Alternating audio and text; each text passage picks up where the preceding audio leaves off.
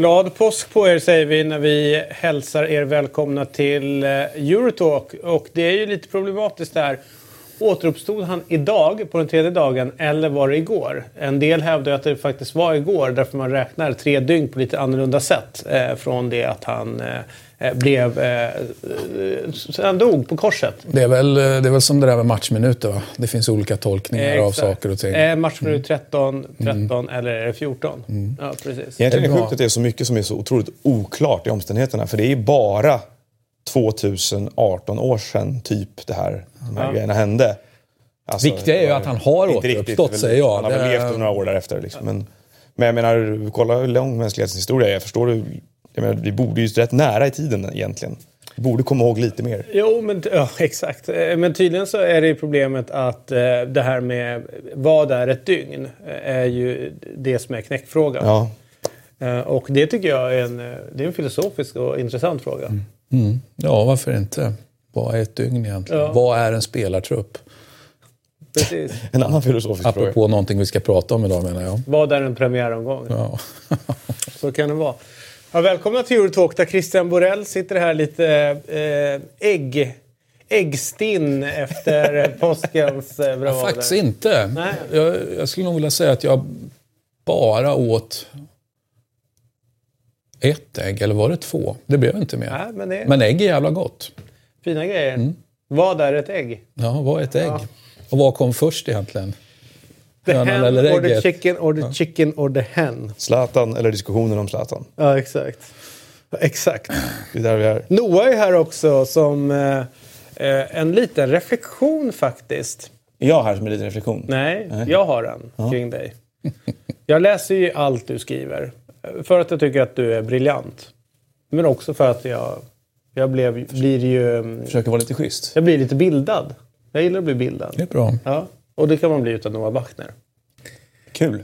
Men jag har noterat att du verkar vara lite förbannad på slutet i dina texter. Det är väldigt mycket utropstecken och grejer och det är inte bara nu när det gäller eh, om diskussioner om Zlatan utan det är om allsvenskan och den moderna fotbollen eller ja, inte moderna ja, fotbollen. Ja. Och så var det någon text innan.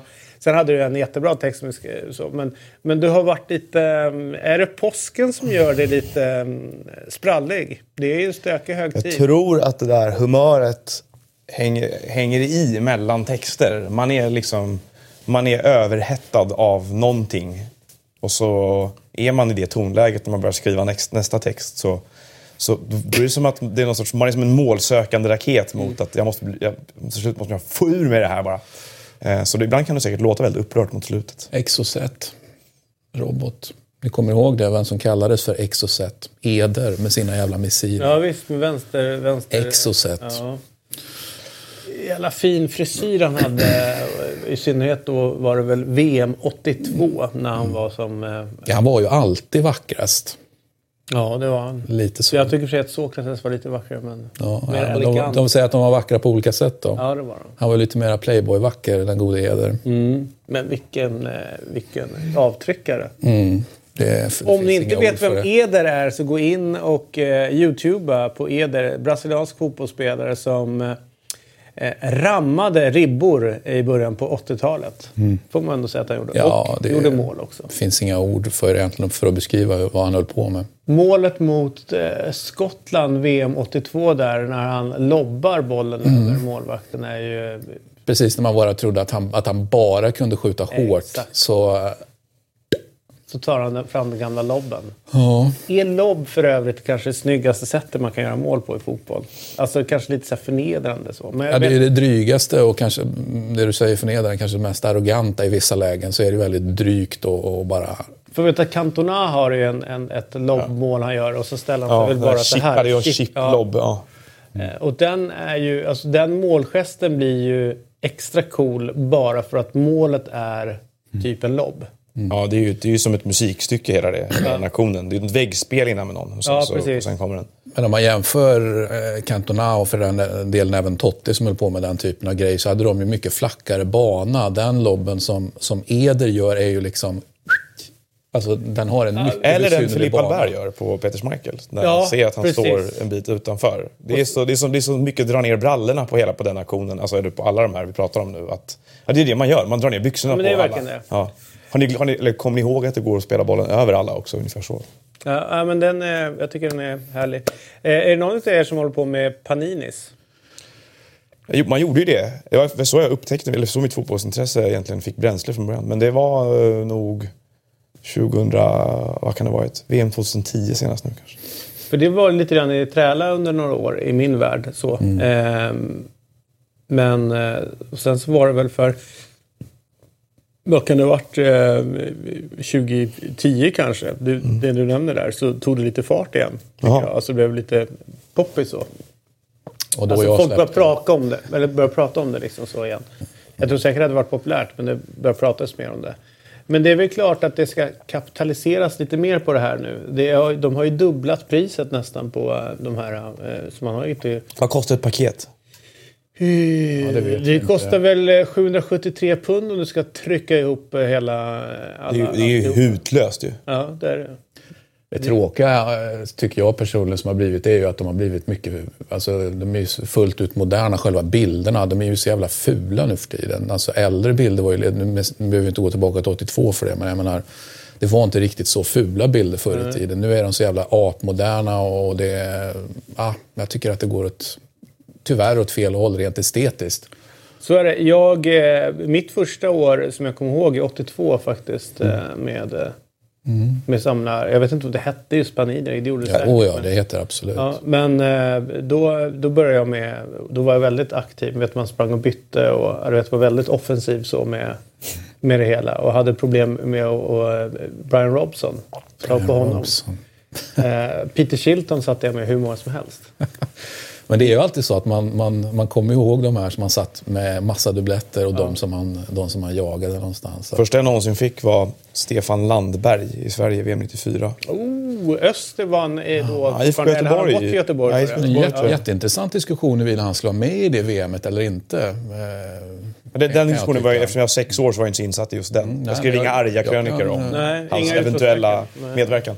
Däremot minns jag VM 98-albumet att eh, det var något fel hos tryckeriet. Så att det var ju, de var alltså taskiga mot vissa länder som gjorde såna här dubbelbilder. Eh, så man fick två i varje. Till exempel fick man alltid mittbacksparet Peña i Bolivia var satt alltid ihop. Så här. Eh, men i det albumet då så var det en, ett uppslag där man skulle ha Saudiarabien på ena sidan och Iran på andra. Också väldigt så här, västerländskt perspektiv på alltihopa. Och Eh, och, då, och då trycktes inte Iran ens upp. Det blev något fel. Så man kunde inte få Iran. Ja, det, Eh, var Så ingen- Ett stort trauma. Det ringdes många samtal till Egmont som gav ut de här då i Sverige. Då, ihåg. ja, det förstår jag. Eh, så är det. Eh, du, eh, Uefa då, för att släppa Panini lite grann. Eh, ska ju ändra lite mer eh, regler runt eh, deras kupper. Tänker kanske inte just EM, men det kanske kommer dit. Men eh, EM då, så, eller när det gäller då Europacupen, så har de sagt att en spelare kan få representera eh, två olika klubbar i samma Europacup, alltså Europaspel. Alltså om du har varit i en klubb på hösten, spelat i Champions League, så blir du såld, så får du spela Champions League eh, till våren. Och sen så, eh, så får man göra ett extra byte om matchen går till förlängning. Det- har de ju testat lite grann i någon cup tror jag. Men nu ska de liksom göra det lite mer permanent. Tidigare då så har de bekräftat att fyra klubbar, de toppklubbarna i respektive eh, de här toppligorna, eh, blir automatiskt kvalificerade för Champions League. Och eh, sen då förändrades speltider till 18.55 och 21 för att sprida ut matcherna. Och att man får ha 23 man i truppen till eh, finalerna. Vad säger ni spontant om de här? Vi behöver inte göra någon långbänk, men vad, vad känns det? kommer ju fyra lag automatiskt kvalificerade. Kommer ju cementera saker och ting. Liksom, det blir ju ännu tydligare, allt eh, hierarkierna.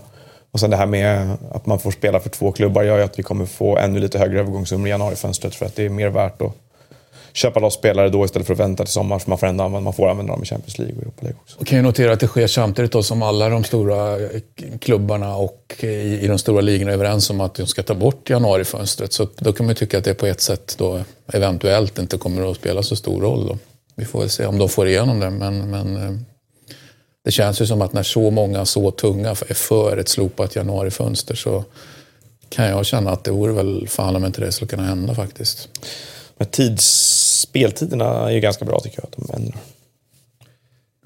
Alltså jag är ju i grunden en, eh, en som gillar...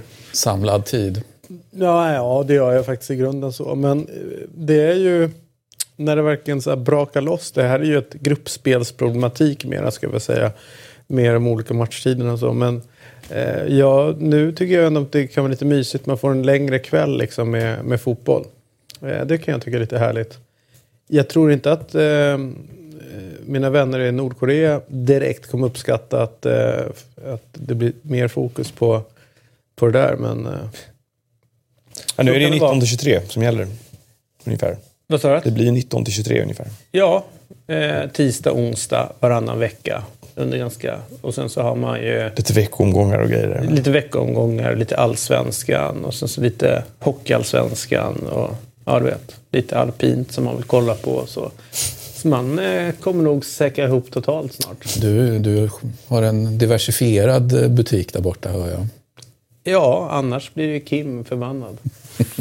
Ja, det vill vi. Han är ju på gott humör nu å andra sidan. Ja, oj, oj, vad, Oj, vad bara, oj. han- Eller så lurar han skjortan av alla. Det kan vara så Nej, enkelt. är- jag tror att det- allting innan var ett spel för att komma dit, dit han är nu. Eh, så är det ju. Eh, vi, vi ska ta ut en, eh, manager till Status Ronaldo-laget också. Eh, och, eh, och, och nästa vecka då så börjar vi med något som heter Status Balotelli som vi förklarar då.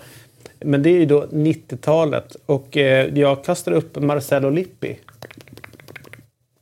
Taget. Sure. Alltså, med det sagt, Capello. Han, han dundrar ju hem mer. Men jag säger så här, han är en, för mig är Lippi en mästertaktiker. Och, och liksom den enda fläcken då under hans 90-tal blir ju att han, eh, de här finalerna vi har pratat om tidigare, att han bara får med sig en av tre. Men i övrigt då, så, så är det ju fantastiskt. Han, han gör ju jättefina grejer innan han kommer Ja, till, visst. Till, till Juventus också. Det ska vi säga, han får ju komma till Juventus av en anledning. Det, det, det ska man också komma ihåg. Sen är ju alltså den prestationen individuellt som han står för, eller de saker han tar med sig i termer av titlar och pokaler ut ur 90-talet är ju såklart, väger ju tyngre än vad Sir Alex gör. Men det Sir Alex bygger under 90-talet och vad det får för innebörd för europeisk och engelsk fotboll är ju kanske ännu mer betydande skulle jag säga. Det är ju inte bara så att han vinner väldigt många ligatitlar med Manchester United och lägger grunden egentligen, plattformen för vad som ska bli världens största klubb.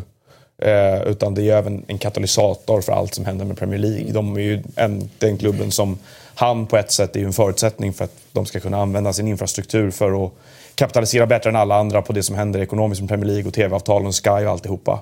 Och eh, vad det gör med fotbollens konturer i hela Europa efteråt, och vad Manchester United liksom blir för, för ledstjärna där och då, så tycker jag ju att kanske att han är en mer betydelsefull tränare på 90-talet ur ett helhetsperspektiv än vad Lippi. Alltså det, I min värld så stod det mellan Sir Alex och, eh, och man ska ju komma ihåg att Sir Alex vann ju trippen där eh, 99 i München. Eh, Och vi ska inte överskatta antalet titlar heller för Lippi på 90-talet. Det är viktigt att inte göra det. Jag kände att du eventuellt var... Alltså, Ja, de, är färre, de är färre än vad man tror. Okej. Så att, eh, men, men vad är men- argumentet emot Capello då? eh, Eller argumentet för är, ju- är ju enkelt på något sätt. En, en drös ligatitlar, Champions League-titel.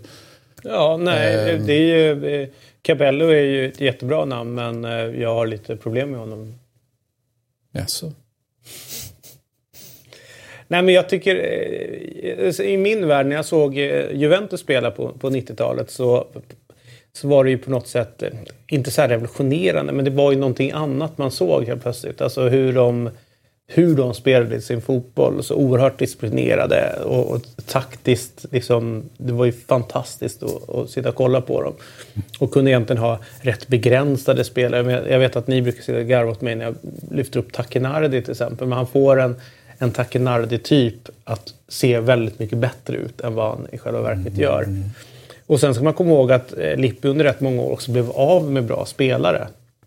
Och hela tiden lyckas ersätta så. Eh, Ja, han byggde ju åt rätt, att det gick åt rätt håll. Men, men det han gjorde när han tog över Juventus var ju precis det som hände efter Calciopoli nu. Det vill säga det som egentligen Conte och, och Andrea Agnelli gjorde var att han, de börjar ju från, från scratch efter en, eh, inte en katastrof, men, men, men någon slags katastrof, fotbollskatastrof ändå. Så att de, eh, han börjar bygga på nytt. Och, Han och fasar bygger ut ju Baggio, med fasar in eh, Del Piero Ja. eh, till exempel. Och, och, och sentimental. honom Och, till, eh, Så, men, men det är klart att Capello är jättebra, men jag, jag, eh, jag fastnade inte för honom. Men däremot så satt jag och funderade ganska mycket på just i de banorna kring eh, Sir Alex. Eh, jag bodde ju i England under, de- under den perioden och såg ju liksom hur han eh, var på något sätt allt det som Kevin Keegan inte var under 90-talet. är det det här läget jag säger Wenger då? Men 90-talet. Ja, alltså han hade ju, 90-talet. kom ju 97. Kom ju 96. 96 var Och dundrar ju med en gång. Typ. Och har gjort saker med Monaco innan. Ja, han har gjort... Han, alltså som... Arvet i Monaco får man väl ändå säga att han lägger eh, grunden för en fantastisk ungdomsakademi och liksom får fram det. Och sen så har han gjort Japan. mycket av det man säger är Frankrikes storhet slut på 90-talet. Alltså med VM-guldet 98 och så vidare. Eh, eh, vill en del peka på Wenger och hans insats och, och liksom bidrag till den, till den franska fotbollen. Det som var coolt med honom var ju att sen drog han iväg till Japan. Eh, och var där bort- borta i- innan han liksom kom tillbaka. Så han var ju en, en, på något sätt en sökare och letade och, och sådär. Liksom. Men jag menar, hur mycket uppnår han? Jag- tycker fortfarande det som... Alltså, Han vinner ingen Champions Finest League. hour är ju snarare början på 2000-talet än vad det är 90-talet. Är inte det? Ja, jo, kanske. Får inte du argumentera för? Jo, det går det säkert. Alltså, han sätter- han sätter sin prägel. kompr- kompromisskandidat här mellan Capello, Lippi och Ferguson. Nej, men alltså, han sätter sin prägel tidigt får man ändå säga när han tar över. Men han, han lyfter ju verkligen. Då tycker jag man har gått in på 2000-talet. Och det är ju när han verkligen Ja, men lyckas med liksom, den franska revolutionen mer tydligt. så. Eh, men eh, jag tycker, i min värld så tycker jag ändå står mellan eh, eh, Lippi och eh, Sir Alex. Men jag kastade ur Lippi först för att jag visste att jag skulle kunna få lite... Jo, jo men men jag, jag är svag för... eh, Det är en vitsvart jag tycker väldigt bra om. Så Mm. att säga. Och att han, det fanns så mycket i hans eh, sätt att... Framtoning. Ja, när han stod där och rökte sina cigareller, cigariller på... Men det är väl klart att den, den, den gärningen och det som... Det hade varit så lätt att säga Lippi om man hade tagit två av tre finaler, säger jag. Den här, men den här en av tre, det stör mig faktiskt. Ja, men jag är beredd att switcha över till Sir Alex då. Ja, jag tror faktiskt är mer Sir Alex än Lippi här. Mm. Jag vet att det tar emot av många skäl, men... Nej, jag är en stor förespråkare för Sir Alex. Jag har, jag har verkligen inga problem med det heller. Jag tycker det är på ett sätt är hugget som stucket här i de här. Det är ju fantastiska. De fyra namnen vi har nämnt Jag tänkte ju, på Saki också, men det... Kanske Ja, men- ti- alltså, han kanske inte var för kort tid in på... Exakt, och han, börjar, han kajkar ju ur direkt liksom, faktiskt efter. Han är ju egentligen, hade det varit 80-tal det här, då hade han ju varit klockren. Då hade han varit väldigt svår att argumentera emot. Va? Men på 90 gör han ju inte en människa glad egentligen om man nu ska hårdra det. Han gör i alla fall Italien väldigt ledsna trots att han tar dem till VM-final. Och... Det Ajax håller på med då, under den här perioden. Ja, men hur är det med, hur är det med han... Eh. Ja, det är ju van Gaal som är där. Ja, ju, men om man tar vad bort- gör van Gaal sen? Han tar Men Holland till? VM-semifinal, va? Cruyff? Cruyff, Cruyff förlorar ju framförallt finalen eh, 94 på ett, på ett väldigt olämpligt sätt kan man ju tycka. Men, Men om- första halvan av 90-talet så går det argument, då tycker jag då står det mellan då står det mellan Capello och Cruyff för då dominerar ju de totalt Sen, sen vinner ju väl van Gaal 95, va? Med Ajax? Ja, Med det laget. Med, ja, spelar, Som är, helt, som är ett blivande holländskt landslag och Finny de George ungefär. Men får jag fråga, men jag fråga en grej då? Vi har ju sagt ganska länge att den kanske mest... Den, den enskilda person som har haft störst betydelse för fotbollen Med Cruyff, ja. är Cruyff. ja. Så då räcker det med ett halvt 90-tal. Och om, eh, om man ser liksom det han gjorde, apropå bygga någonting. Det han har satt i Barcelona och att det fortfarande idag, 2018, är någonting de ändå... Då kan man ju dela in hans eh, första halvan så, så Alltså man var säger han med och spelaren och... styrde. ja. Andra halvan av 90-talet, då ju, blev ju Cruyff någonstans i... i, eh, i Han blev en andlig ledare liksom. Exakt, och han blev ju också i opposition för att det vart, vart, blev ett inbördeskrig och han var ju väldigt tydlig med att le, leda oppositionen eller viska i örat på ledaren i oppositionen mot slutet på, på, på 90-talet. Så att han, oavsett om han är sittande eller inte sittande så spelar han ju såklart en extremt stor roll i Barcelona hela tiden. Så det är klart att det går att argumentera för Cruyff också. Det, kan, det är ju kanske det vackraste namnet, eller det är det vackraste namnet av de här vi har uppe. Så är det ju. Okej, vad, vad säger du? Nej, jag säger Sir Alex ändå här som manager. Eftersom vi ska prata om just managergärningen så är Ja, det. Sir Alex. Det blir Sir Alex. Vi går vidare, vad härligt. Europatipset eh, rullar på. Jag tror att, Gick rätt bra. tror att jag hade en dålig Ja, det gick rätt. Vad fan. Fan, jag kommer starkt nu alltså. Eh, Där har vi det. Eh, bra Noah, eh, ruskigt stark. Eh, jag dålig. Martin okej. Och eh, Gusten okej. Vi kollar totalställningen då på det hela. Eh, kommer där. Eh, och nu Det är det är bara tre poäng ner. Det är tajt. Tätt nu. Ja, Gusten lite avhängd där. Men... så kan det vara. Eh, vi, eh, vi tar oss vidare till England då. Ruggig form på mig. De ska argumentera för sina tränare under status Ronaldo-hashtaggen. Ja. Så vi får lite polemik där Ja, men vad bra att du tar upp det. Att ni kan alltså gå in på, på Twitter och eh, under då hashtaggen status Ronaldo så plockar ni ut er, vil- vilken tränare ni, manager, ni tycker ska vara under 90-talslaget och argumentera för varför. Eh, och, eh, intressant som- om det kan komma något mer namn än de här fyra som vi ändå... som vi- Mm. Eller fem med Wenger då kanske. Om vi har Cruyff också. Om vi får någon mer än de här fem som inte är van Gaal och som är den sjätte. Vem var det som tränade Marseille där som gick till... Eh, för Han var ju galen, han Tapier, vad hette det? Ja, Tapi som Tapi ägde, ja precis. Mm. Ja, jag kommer inte ihåg, hade inte de en, hade inte de en, en eh, alltså jugoslavisk, det får man ju inte säga, men eh, hade inte de kroatisk... Eh, Och vad hette, en som jag Tränare. vill också upp, det var ju, nu har jag tappat namnet på det, men han eh, fina, fina, fina tränaren som ledde Sampdoria till Scudetto 92 bland annat. ja, det är ju inte, det är inte Vad heter 92, det är tidigare. Nej. Det är ju Bosko, men han är ju... Det är inte 92, det är, det är ännu tidigare. Men skitsamma, det är 90-tal i alla fall. Ja, 91 var de väl, gick de långt och sådär. Nej, men han är, eh, han, det är ju kanske det allra coolaste namnet om vi nu ska ha...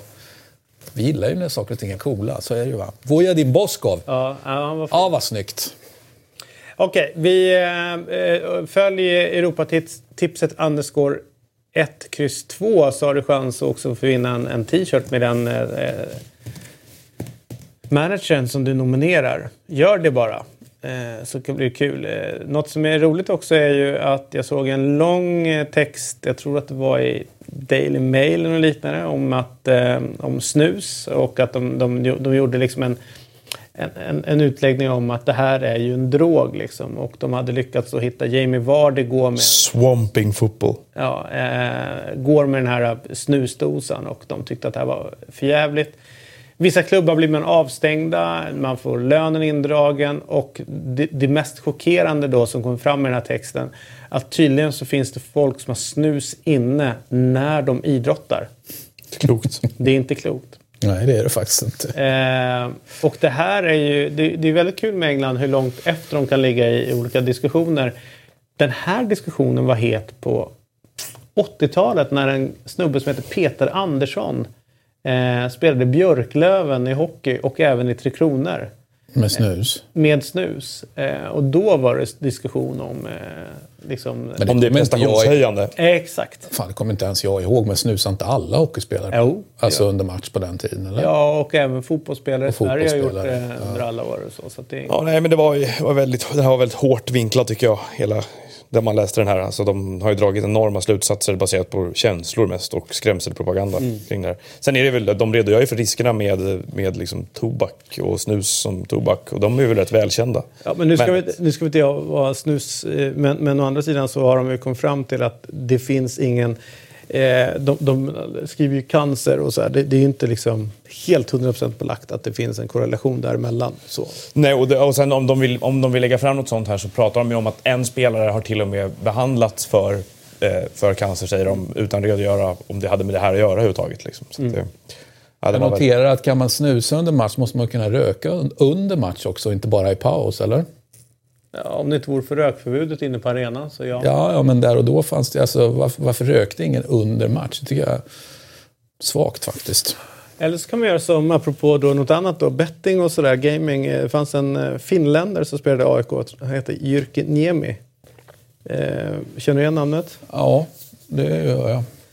på Råsunda back in the days så plingade det till när det blev olika resultat och sådär. Eh, så ändrade de ju resultatet uppe på tavlan så. Det var inte lika modernt som idag. Och då kunde de se honom plocka upp eh, tipslappen ur innanför brallan under pågående match. Yes! Och ner med lappen igen och spela vidare. Oskyldigt värre faktiskt Ja. på den tiden.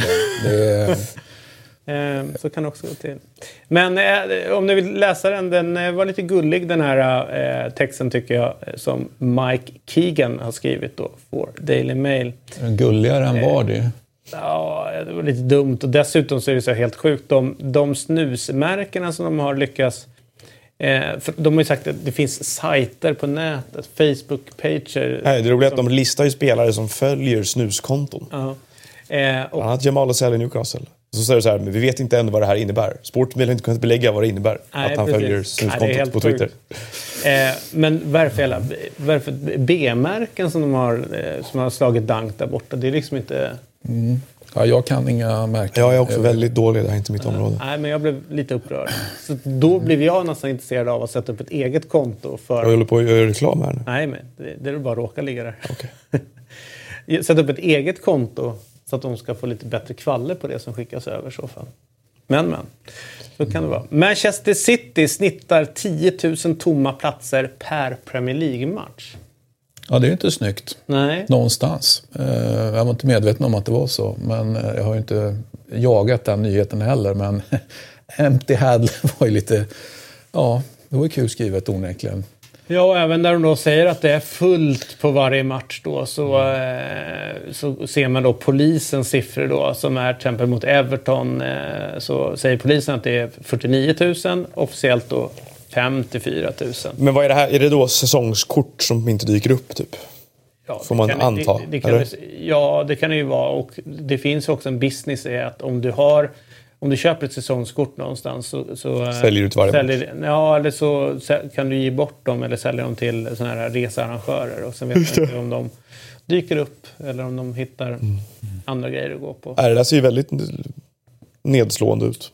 Ja, så matchen mot Southampton då, den 29 november, 38 000 på plats eh, och eh, de säger att det är 53 där egentligen. Det är ju en 25... Eh, ja. Heja polisen, säger jag. Det är skönt vi har dem, så vi får reda på, på sanningen. ja, visst. Men det är ju... Det här är ju en grej som jag tror är oroande för Premier League. Alltså det finns någonting som ligger där och är väldigt spännande i det Noah skrev om då häromdagen. Eh, när allsvenskan skulle gå igång. Eh, det här med eh, den, eh, den typen av fotboll och den fotbollsindustrin som har blivit där borta. Som har blivit väldigt mycket eh, vi och dem. Det är vi här nere på planen eh, och de där uppe som vi förutsätter ska komma hit och konsumera och köpa tv-abonnemangen och, och köpa merchandisen och alltihopa och acceptera att vem som helst egentligen kan styra vår klubb dit de vill. Eh, den pendeln kan ju faktiskt börja slå åt ett annat håll och månne kan det vara det första vi ser här nu utav det. Och inte bara det, jag tror jag tänker också på sättet man konsumerar och köper matcher på det sättet där borta och som, som diskuteras allt mer om det ska dyka upp någon sorts Netflix-abonnemang för att kolla på till exempel Premier League och det blir mer och mer en sorts on-demand-vara eh, där det är, du som kund ska ha valmöjligheter. Du kan välja själv när du vill se matchen till exempel. Eh, och då är det inte nödvändigt att gå dit. Då kan du streama den i efterhand hemma istället. Liksom. Och hela hela liksom, eh, relation- kund-leverantörsrelationen som uppstår eh, den är ju mycket mer kall och den manar ju också till mycket mindre förpliktelse för den som ska gå och titta på matchen. Nu drar vi väldigt stora växlar av de här siffrorna men jag tycker det är en diskussion som skulle kunna finnas i alla fall då. Eh, och det, och det förvånar ju inte jättemycket då att man har ju, och det är väl det som är väldigt väl dokumenterat också, att många av de här, framförallt de här klubbarna, har ju bytt ut delar av sin publik till någonting annat. Och det är ju mycket mer underhållsindustri än vad det var för tio år sedan. Och om man då ser det här som en konsumtion av någonting mycket, av mycket mer nöje än vad det är Eh, konsumtion av en fotbollsmatch eller deltagande i en fotbollsmatch som det var innan. Du är inte riktigt deltagare längre, du är den där som, som betraktare bara. Eh, då kommer vi nog se mer av det här tror jag för att människor är rätt bekväma. Precis som att du orkar inte gå till matbutiken utan beställer hem Foodora till dörren istället. Eller att du handlar böcker och CD-skivor på nätet. Eller CD-skivor blir ingen som handlar längre. Men Jag förstår vad jag menar. Det är, det är någonstans... Eh, även fotboll ska nu kunna konsumeras från soffan mycket enklare på, och när du vill. Det är roligt att eh, Noah kommer upptäcka att det finns något som heter Napster snart också. Slipper han Min, minidisk. Och jag vill poängtera att CD-skivor köper folk fortfarande, Ja. till exempel jag. Fast Men- vinyl då? Ja, jag har ingen vinylspelare just nu, men jag har vinyl också Ja, såklart. Eh, Men jag handlar inte aktivt vinyl Jag har nu, börjat med det. Fast lite, lite grann kanske, men, men eh, bara begagnat. Men en positiv utveckling här skulle ju faktiskt kunna vara att om, om de här, eh, låt oss kalla det Netflix-lösningarna då, ytterligare ökar på intäkterna, alltså- alltså tv-intäkterna, så kanske vi skulle kunna få se en, en, någon, att det händer någonting, att, att priserna möjligtvis skulle kunna gå ner på att man faktiskt går dit. Så att Mm. det, skulle ju rent teoretiskt kunna fun, funka i, i båda, båda vägar.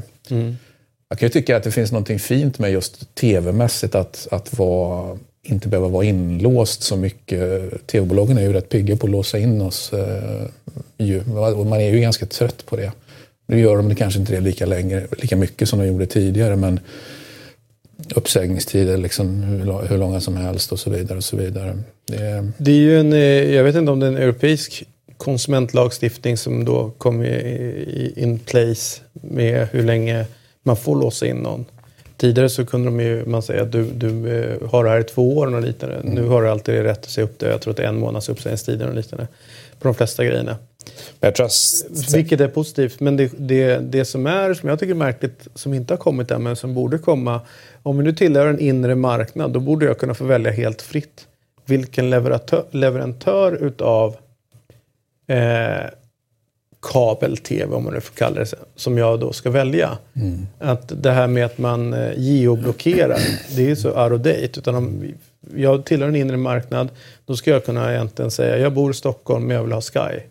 Nu är de på väg ut ur, eh, ur EU, men så länge de är kvar då fram till 2020 eller något sånt, 2022 så bör man ju rimligtvis då kunna driva det caset att säga jag vill ha det eller om du vill ha Sky Italia istället hem rakt av så ska ja, jag inte... geoblock, är, det, det gillar vi inte.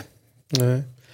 Vi kom på ett sidospår. Du hade säkert något bra om det här att säga. Nej, inte, jag tänkte bara mer på, vidare på samma ämne där. Att vad jag kan tänka mig, framförallt med de stora klubbarna som ju ofta mer och mer tycker jag pratar om att de vill ha sin del av kakan. Det vill säga de vet att eh, i Champions League till exempel att folk köper inte tv-abonnemangen för att kolla på Maribor lika mycket som de gör för att kolla på Manchester City. Utan, och, och en liknande logik applicerad på Premier League nu när de här, framförallt de här topp 6-7 klubbarna har blivit så enorma varumärken utanför England också. Det är att de skulle vilja ta hem mer av sin del av kakan där också. Det har ju även varit på tapeten. Och då kan man ju se framför sig hur Eh, ja, om det är någon sorts provisionsmodell då där jag menar du köper ett, ett Manchester City-abonnemang hos rättighetsinnehavaren där du får se alla City-matcher till exempel. Eh, och då kommer ju det cementera ytterligare och så blir det, men då kan det också bli ett problem för dem tror jag att, att så många du kan välja att se bara alla, alla Manchester Citys matcher hemifrån eh, till ett bättre pris än om du ska köpa hela, ett helt Premier League- League-abonnemang. Det får man ju ge ligaföreningen att de har varit duktiga att hålla emot där Ja, verkligen. För det är klart att det önskemålet har funnits från de Verkligen. stora klubbarna. Och det, det säger vi heja ligaföreningarna runt om, inte bara i England utan Ja, jag menar, det är ju- alla andra. Så att, Det är ju en sorts välfärdssystem på något sätt i Premier League. Därför att nu är ju Bournemouth världens, vad är det, 30 rikaste klubb eller något sånt där tror jag. På grund av alla tv-pengar de får. Och vad de gör är ju, och och hade pengarna regnat neråt i verksamheterna på rätt sätt så hade de kunnat bygga engelsk fotboll enormt starkt. Det har de inte lyckats med ännu. Men på sikt kanske det blir konsekvensen av det. Så jag hoppas som du säger att för, för deras skull att de, att de håller emot det. Att det inte blir en sån cementering eller en sån tratt då att liksom de stora klubbarna bara kan kapitalisera på det de gör. Å andra sidan blir det en, en diskussion i sig då. Varför skulle de inte ha rätten att göra det? Liksom? Italien har ju ett nytt, ett, eh, så att säga, på gång nu, ett, eh, att man omförhandlar och så vidare. Och där, där blir det ju, eh, och det är jag väldigt glad för, där blir det ju, och, och, och Juventus och topplagen är ju inte glada, men där blir det just det att det, blir, det är lättare att vara Benevento helt enkelt. Eh, Och jag jag kan ju inte säga att jag har någonting emot det. Nej. De har tillräckligt mycket problem på planen. 6-2 heller. Eller om det var 6-1. Du, eh, eh, apropå England då så är det första gången, jag vet inte om det är det 30 år eller något sånt där, eller sen VM drog igång, där det inte finns några brittiska domare med. Eller om det jag vet inte, det är skitlänge sedan. Inte en enda. Och jag, jag kan väl säga att om man kollar på Premier League ganska ofta så kan jag förstå. Det är, det är inte alltid jättevassa domare. Men han Oliver där tycker jag är en riktigt bra domare. Michael Oliver. Ja, eh, som lätt skulle kunna slå sig in i en VM-setup bland domare. Eh, men här har ni dem och vi kan konstatera då att eh, även... Eh, Ingen svensk domare. Nej, Jonas Erikssons team blev inte heller utplockade. Det var en ödesdiger straff. ja, det var ju det. Kanske. Vilken tänker du på? Ja, den, den här senaste i... Milan-Arsenal. Jaha, den där. Ja. Ja, just det. Det är ju Stefan Johannesson som tog den. Ja, jo, men teamet är teamet. Men de har ändå varit och kollat på eh, inhemska matcher i, i Panama och, och valt John Pitti där. Det är Ja, imponerande att de lyckas scouta domare så noggrant där borta tycker jag. så är det ju. Jag hävdar ju fortfarande att det stora problemet med VM är att de måste ta domare från alla olika konfederationer. Därför att kvaliteten under matcherna blir... eh, Absurd ibland, Ja, verkligen. och där... Nej, det finns ju många här man skulle vilja se eh, liksom själva processen då, och om den verkligen är meritokratisk som man väl har en liten, jag menar vilken, på vilken nivå dömer, vilken snabbhet på spelet är det för domaren som är från Tahiti här eller från eh, Förenade Arabemiraten eller Uzbekistan. Liksom. Jag har, det, det låter väldigt fördomsfullt sagt såklart. Eh, men eh, det, finns ju goda skäl att undra över det faktiskt. Mm. Men eh, så är det. Eh, och eh, spännande. Det, det är väl någon av de här vi har längst ner till höger som kommer vara en av eh, finaldomarna om jag inte missminner. Alltså från Uefa. Det brukar oftast vara en, en Uefa-domare som kliver hela vägen. Eh, Tack gode gud. ja. Matteo Lahoz var han som dömde Sverige-Italien på San Siro. Tror jag. Inte han eh, turken där, eh, om det uttalas då Sakir eller... Eh, han har väl gjort det ganska bra, eller hur? Ja, jag kan inte säga att jag har följt honom. Och Rocky är väl helt okej, va? Ja, det är klart han är. Eftersom han är från Italien så är han ju helt okej. Nu har han tillräckligt mycket härj på hemmaplan för att, för att, för att klara av det här. Mm. Så kan det vara. Eh, hej då Conte känner jag, sä- säger jag då apropå att bli av med italienare.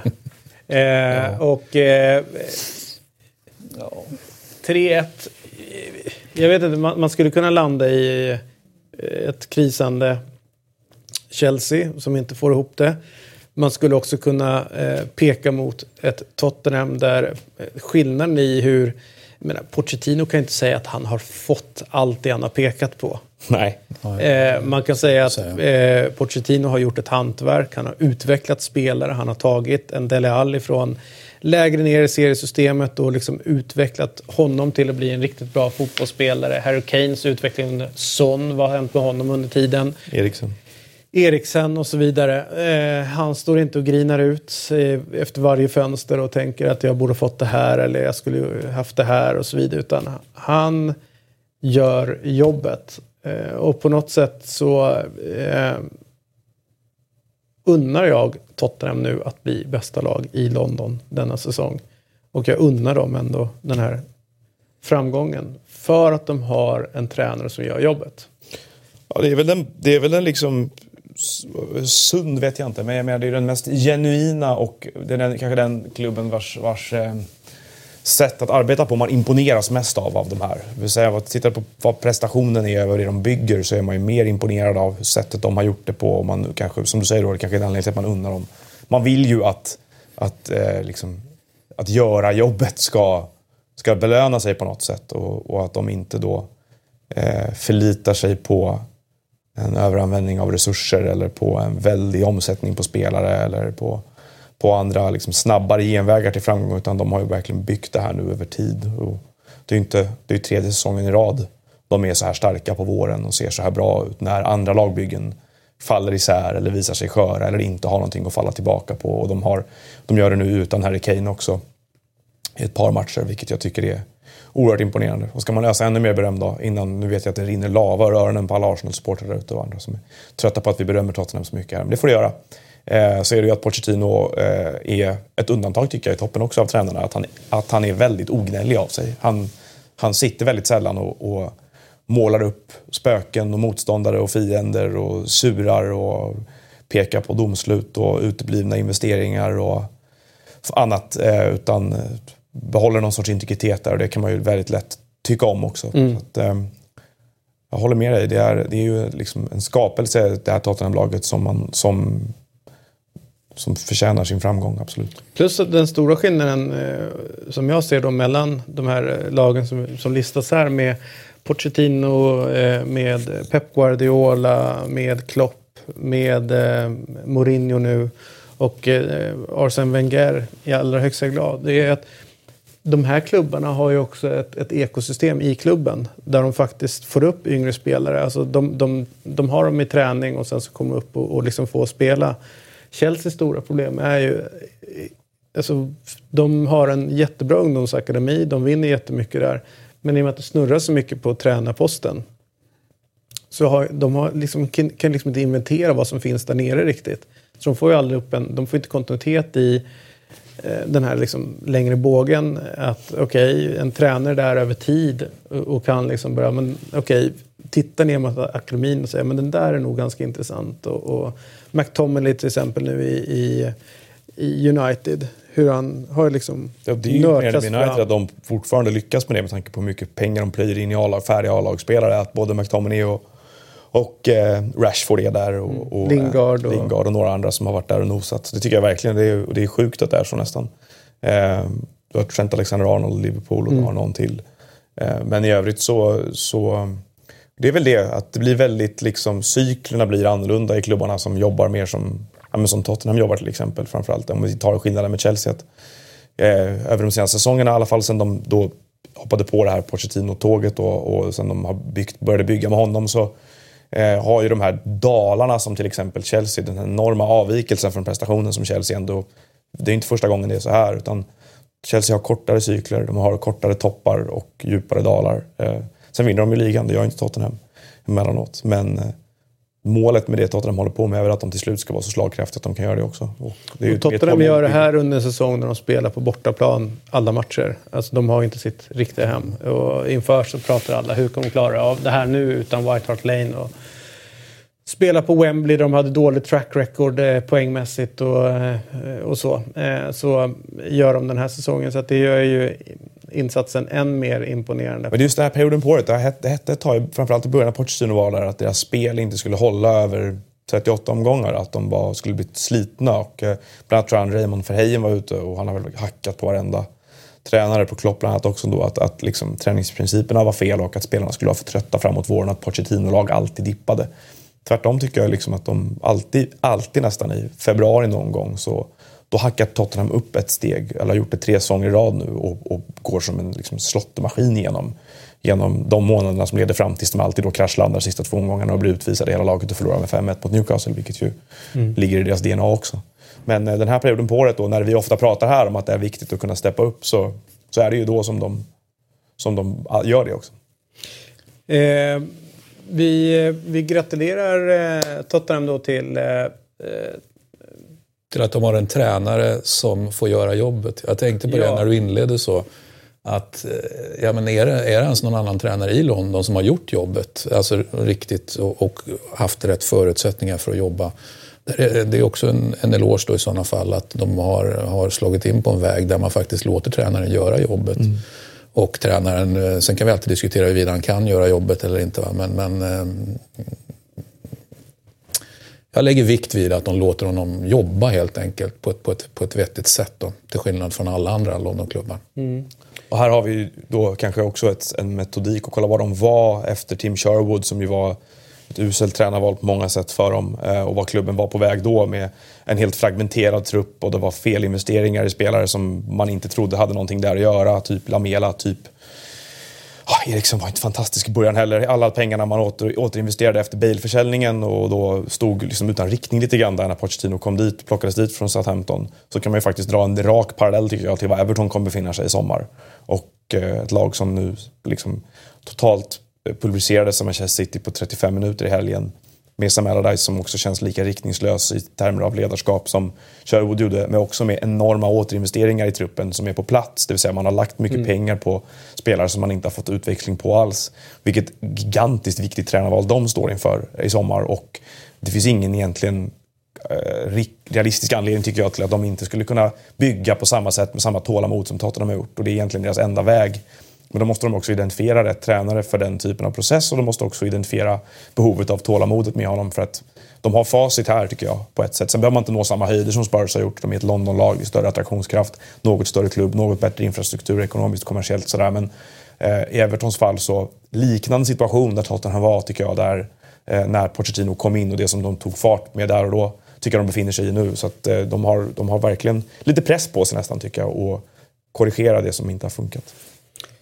Jag satt och kollade på Crystal Palace mot eh, Liverpool. Eh, en underhållande match får man ändå säga där eh, Palace hade 1-0-ledning och mm, Liverpool såg inte så imponerande ut. Men två mål vände på matchen och då avgörande målet från Mo Salah som inte har varit stuckit ut någonting under matchen egentligen. Men eh, så börjar jag tänka på eh, den här diskussionen ändå som har, eh, jag tror att det var initierat utav Gusten Dahlin någonstans. Att är han en bra fotbollsspelare på riktigt eller gör, en, ja, gör han mål? Bränner han mer än vad han sätter och sådana saker? Martin har varit inne på att han inte är färdig, eller han var inte färdig när han kom till Europa utan han har fortfarande en utvecklingspotential och så. Men det målet han gör, alltså den sinnesnärvaron han har, att där de flesta då hade gått på avslut direkt, alltså mm. alltså på första touchen. Mm. När han liksom håller i den mm. Eh, och tar bollen på andra sidan utav Sakho, tror jag är, som uppe och käkar korv. Och sen trycker dit den med, med högerfoten som är hans sämre fot. Alltså att ha ändå självförtroendet att välja att avsluta med sin sämsta fot i det läget. Gör ju att jag har svårt att liksom, tänka tanken att det är en dålig eller inte en bra fotbollsspelare vi har att göra med. Utan att det är fortfarande en... Den nivån han håller nu är extremt hög. Extremt hög. Ja, och man, man måste också kunna uppskatta hans säsong tycker jag utan att börja liksom då ställa direkt frågan är det här permanent? Kommer det alltid vara så här? Är han, alltså, sätta en etikett på honom. Alltså, mm. Utan konstatera att det är en sensationellt bra säsong, sensationellt bra form. Och sen så kommer ju tiden visa om han, var han, mm. var han liksom planar ut någonstans. Men eh, att han missar mycket, det är ju okej okay att missa mycket om man ändå gör 35 mål. För att men då kommer du till så pass mycket chanser och lägen. Sen klart, det finns en systematik runt honom som gör att han hamnar i alla de lägena. Men det finns system som fungerar liknande där forwards sätts i extremt mycket lägen och inte gör 35 mål. Så att, eh, att ta någonting ifrån Salah känns bara fel tycker jag i det här läget. Utan tvärtom så har ju som Martin, som var inne på innan säsongen. Det är ju en sällsynt välscoutad värvning mm. för, för ett lag. Alltså. Det är, och en spelare som lyckas hålla fokus genom hela säsongen, vilket han är göra också. kan ju notera att han sopade hem en miljon röster i egyptiska valet här i, i helgen också. Han blev ju... Hur många procent räckte det till? Ja, hur många? Det, det är ju ett väldigt... Eh, vad är de? Det är nästan många. 100 miljoner. Ja. Det är typ många. Men en miljon eh, krita dit Salas namn på kupong säger man inte, på valsedeln. Det som är intressant tycker jag med, eh, det har ju blåst rätt eh, jobbiga vinnare i eh, England och jag tror att antal mord nu i London är liksom det högre, fler mord än vad det är i New York till exempel. Så det, det är problem och de har många från den muslimska communityn har problem och blivit utsatta för, för grejer och, och vice versa. En del muslimska celler har gjort hemska saker i, i London och så. Så att det har blivit en liksom, polariserad diskussion och, och, och liksom till viss del också ett samhälle. Eh, men... Eh, islamistiska celler kanske ska säga. Ja, ska jag säga. Förlåt. Mm. Islamistiska. Men däremot eh, då eh, Mohammed Salah som är eh, muslim eh, och eh, när han gör sina mål så, så lägger han sig ner och, och, och vänder sig mot Mecka för att tacka för eh, målet. Har ju eh, gjort, jag läste någonstans om det var din kompis där, Rory Smith eller någon annan sådär som skrev om att eh, att det har gjort att eh, förståelsen för eh, islam bland många i Liverpool just har ökat och eh, de har fått en annan bild av religionen. Det finns ju, finns ju bra klipp på när ungar med Liverpool-tröjor som spelar skojfotboll, gör mål, gör Salas målgest efteråt. Mm. Till föräldrar som ser lite konfunderade ut för de har börjat be helt plötsligt. Mm. Men det är bra om det leder till en ökad förståelse. Ja. Nej, men jag tänkte bara försöka hitta en ingång ja, till ja, att hur fotbollen bra. ändå kan ena. Absolut. Eh, även fast jag tycker att i Chelseas fall så bör det söndra. Eh, där Conti bör ta sin, sitt pick och pack och åka ner till Italien igen. Kan jag konstatera att Mark Hughes fick en riktig Ja. price-start där nere också i botten. Och det känns ju inte rätt från början. Nu vann de ju för typ semifinal i FA-cupen och slog ut Wigan där i kvarten. Men... Där Chelsea väntar eh, i semifinalen för Southampton. Precis. Men jag, må, jag måste ju säga här att de här fyra lagen som ligger där nere nu, det blir färre och färre känns som, som. Jag tycker väl att både Newcastle och Brighton har ryckt undan. Nu vann West Ham övertygande i helgen mot Southampton. Det finns väl då en skillnad där på man såg ett lag som såg redo ut för det här och ett som inte gjorde det. Swansea har ändå haft tagit tillräckligt bra resultat under Carvajal, föll handlöst mot United, men det gör man när man kommer dit. Och Huddersfield tycker jag har för hög, för hög högsta nivå, så jag tror att det står mellan de fyra på slutet nu här. Som, där egentligen Stoke och West Brom är helt körda. Stoke för att de är för dåliga och West Brom för att de har få poäng och för dåliga. Ja, eh, och där har man ju eh, Roy Hodgson-hjärtat som bultar för mig. Eh, Men det här... jag, Och försvar- grejen den här matchen är ju återigen, jag tror att det var United hemma var samma sak. Där de gör, alltså om matcherna hade blåst av i 60 minuter ja, men, så hade de haft ett jättebra. Men nu är det 30 minuter till. och de har gjort flera sådana bra matcher mot bra lag eh, på hemmaplan.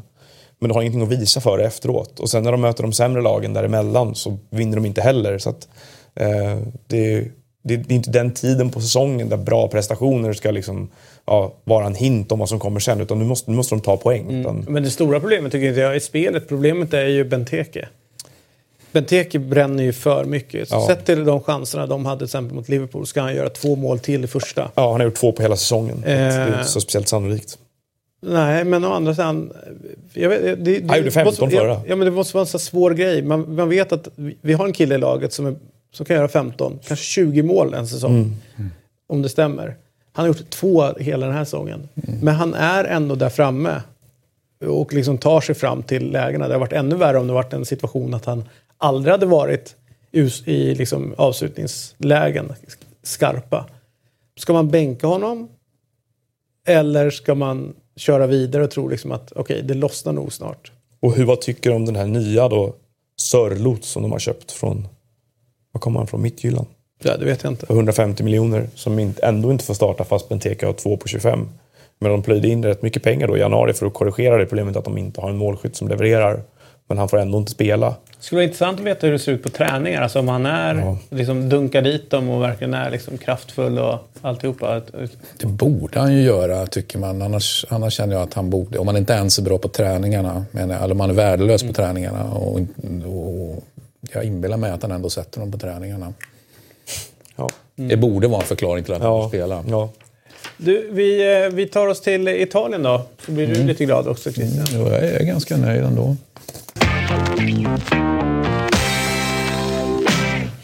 Volymen. eh, Det är så roligt att du har börjat störa på det. ja men den är för låg. Ja, du det gör ser. ju ingenting. Ja, ja. Rock'n'roll. Du, eh, vad är det som händer med Inter egentligen? Sabatini är på väg bort. Ja, det var ju lite häftigt måste man ju säga. Och eh, det vill säga, han är ju bort från hela den gruppen då eftersom han hade ett övergripande ansvar. Och eh, man hade väl Suning. Kanske... Suning, ja precis.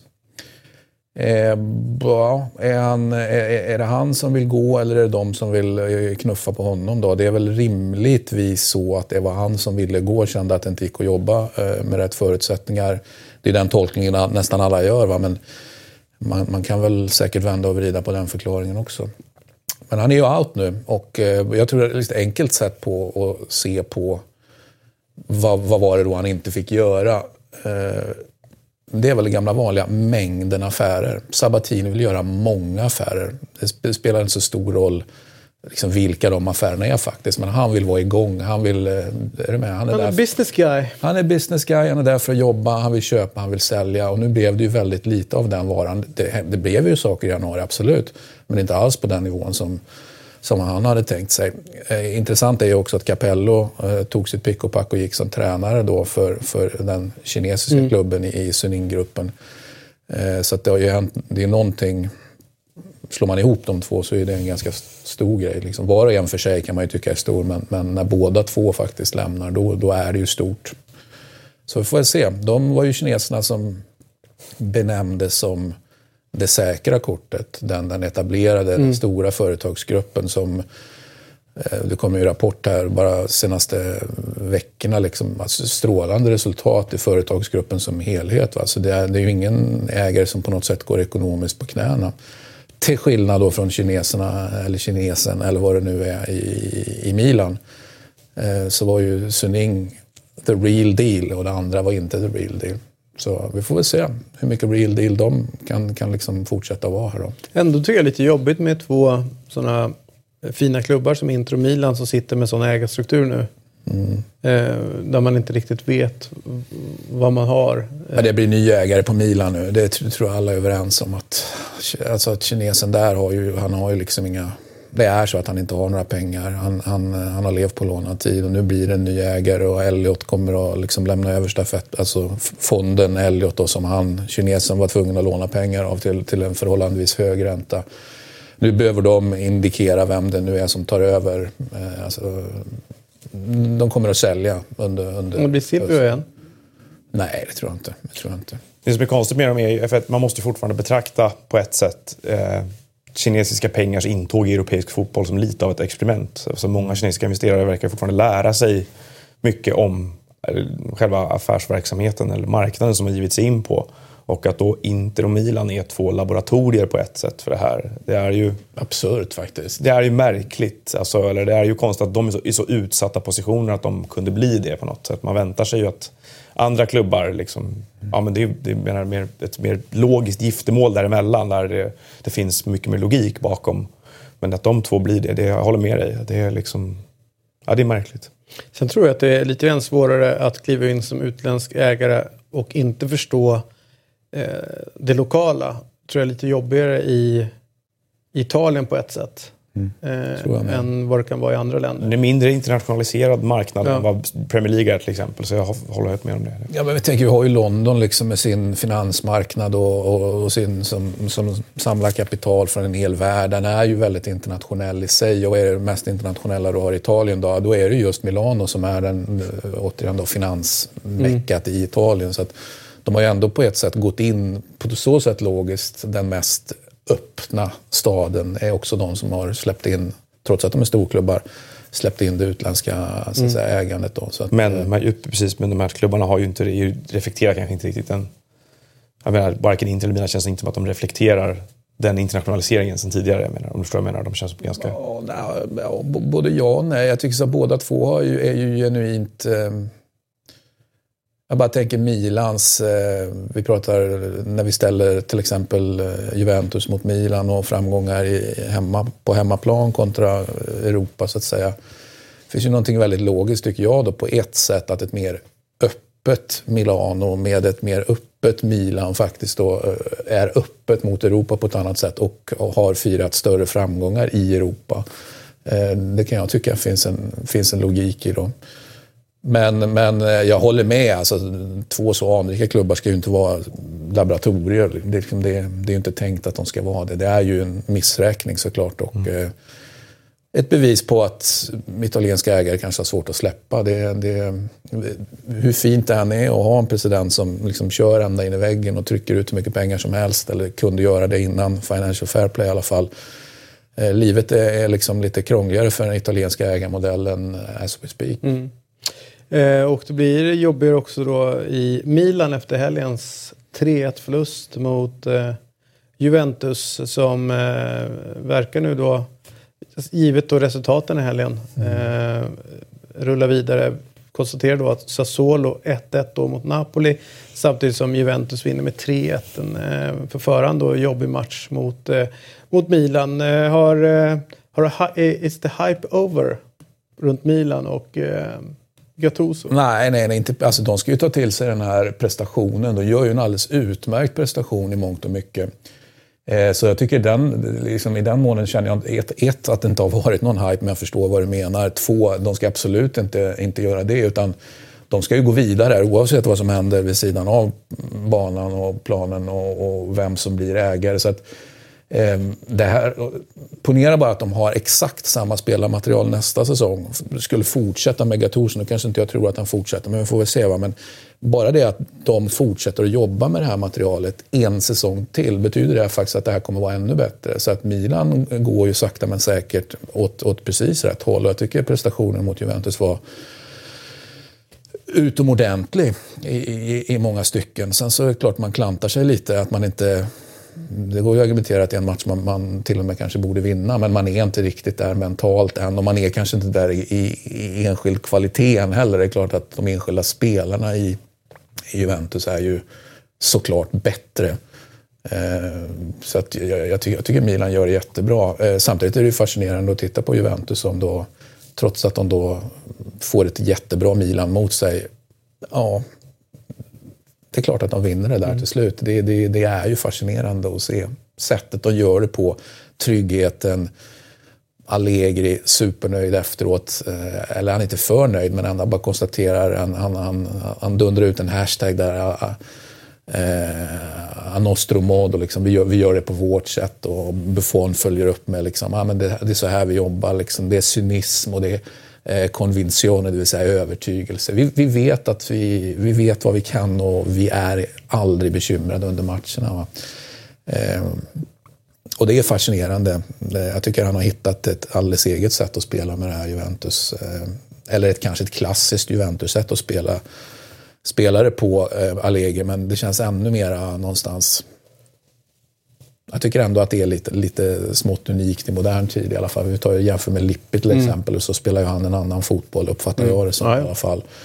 Eh, där Allegri någonstans verkligen inte är bekymrad. Just det, låt, låt någon annan eh, ta hand om taktpinnen. Liksom och, men med det sagt är det ju faktiskt inte det här som Allegri ska bedömas på, utan nu är det vad han presterar i Europa. Det är ju det. Faktum, han tar ju över eh, med bara ligasegrar. Eh, så jag menar att han fortsätter ligasegrarna ja, det är fint och det är jättefint för konkurrensen var ju kanske ännu större den här säsongen. Så tar han en fjärde ligatitel nu, vilket han, vilket han gör, eh, då, då är ju det såklart en bedrift. Jag säger inte att det inte är det, men, men det är ju någonstans Europabedriften som är, den är ännu viktigare än att han har tagit fyra ligatitlar här. De har släppt in 16 mål på hela säsongen, gjort 70 framåt. Och Sassuolo har gjort 19 mål nu när de gjorde ett mål till. Det är också rätt fascinerande av ett notoriskt mål Eh, inte målfattigt framåt utan Det är sjukt att lyckas framåt. vinna sju matcher med 19 gjorda på 29. Ja, det är, då har man valt sina tillfällen väl när man väl gör mål. Alltså. Sen är det klart att det var skrivet i stjärnorna någonstans att målet som gjorde och dels har ju Napoli haft lite problem med Sassuolo så det fanns ju ett sånt track record. Men självklart var det ju Politano som var högaktuell mm. för för eh, i januarifönstret nu då, för Napoli. Det är klart att han gjorde mål här och så till att, att det bara blev oavgjort. Det var ju liksom det var, det var inte så överraskande. Nej. Trots att vi, eh, vi gnällde lite grann på Inter då tidigare så har de en fjärde plats än så länge och det är ju Champions League. Lazio. Lazio Någon kommer ju bli väldigt gjorda. ledsen här nu. Det, det är ju så. Roma, inte Lazio. Någon blir sjukt ledsen. Någon kommer att missa det där pengabadet. Känns det inte som att det är Lazios säsong och Lazio som har medvind? Av de här lagen? Alltså av Ja, Av men, dem och inte i alla fall. Ja, ja jag, vet inte, jag, tycker, jag, jag tycker det är svårt att, att sia om. Det ja, alltså, hugget som stucket i min värld. Jag, alltså, Lazio har ju också haft några dippar på slutet, alltså några resultatmässiga dippar på slutet. De studsar ju tillbaka. Det är en nu, sak om du har det och du går in i en svacka. I know, I know. Men vi får väl se vad som händer. Det, strid på kniven ända in. Då. Det, det väl, vi kan ju konstatera nu i alla fall att ett annat lag som vi har haft, eh, kunnat njuta extremt mycket av nu under säsongen befinner sig i fritt fall, nämligen Sampdoria nu som bara, alltså helt plötsligt kan Sampdoria inte vinna. Och det är fascinerande när man ser och tittar till exempel på, även om man, man, man tittar på eh, till exempel spelarbetyg och så efter matcherna, då är det inte så att aha, du har ett helt lag liksom som har underkänt betyg, utan du har ändå liksom ett helt lag som har bra betyg helt enkelt. Och så någon enstaka snubbe då som har missat mm. förslagsvis i, i backlinjen. Då. Så att, så att, eh, men det är ändå anmärkningsvärt sättet man faller på. Och det måste ju betyda, alltså Gianpaolo, tränaren, vi har ju pratat och hyllat honom. Han, han skulle ju hyllas absolut, men han, han, måste också få skit här nu när, han har, när, när det bara när det går åt helvete helt enkelt. Nu är han ju... Det som är intressant tycker jag med, eh, nu kollar du på spelbetyg Eh, vi fick eh, till podden 352 skickad till oss eh, angående Sirius höst. Eh, när alla pratade då att den var så fruktansvärt dålig och, och, och de vann inte alls mycket och så. Men när man gick in och började kolla på statistiken, alltså eh, målchanser, bollinnehav och alltihopa, så kan man argumentera för att de gjorde faktiskt en ganska bra höst. Men att det var tillfälligheter då som gjorde att... Men att de misstag- överpresterade under våren då menar du? Nå, eller där de egentligen var jämbördiga under våren men där de faktiskt satte dit men då på grund av att det kan vara skador eller eh, där en viktig spelare som Ogbo var borta eller eh, ja, och så vidare.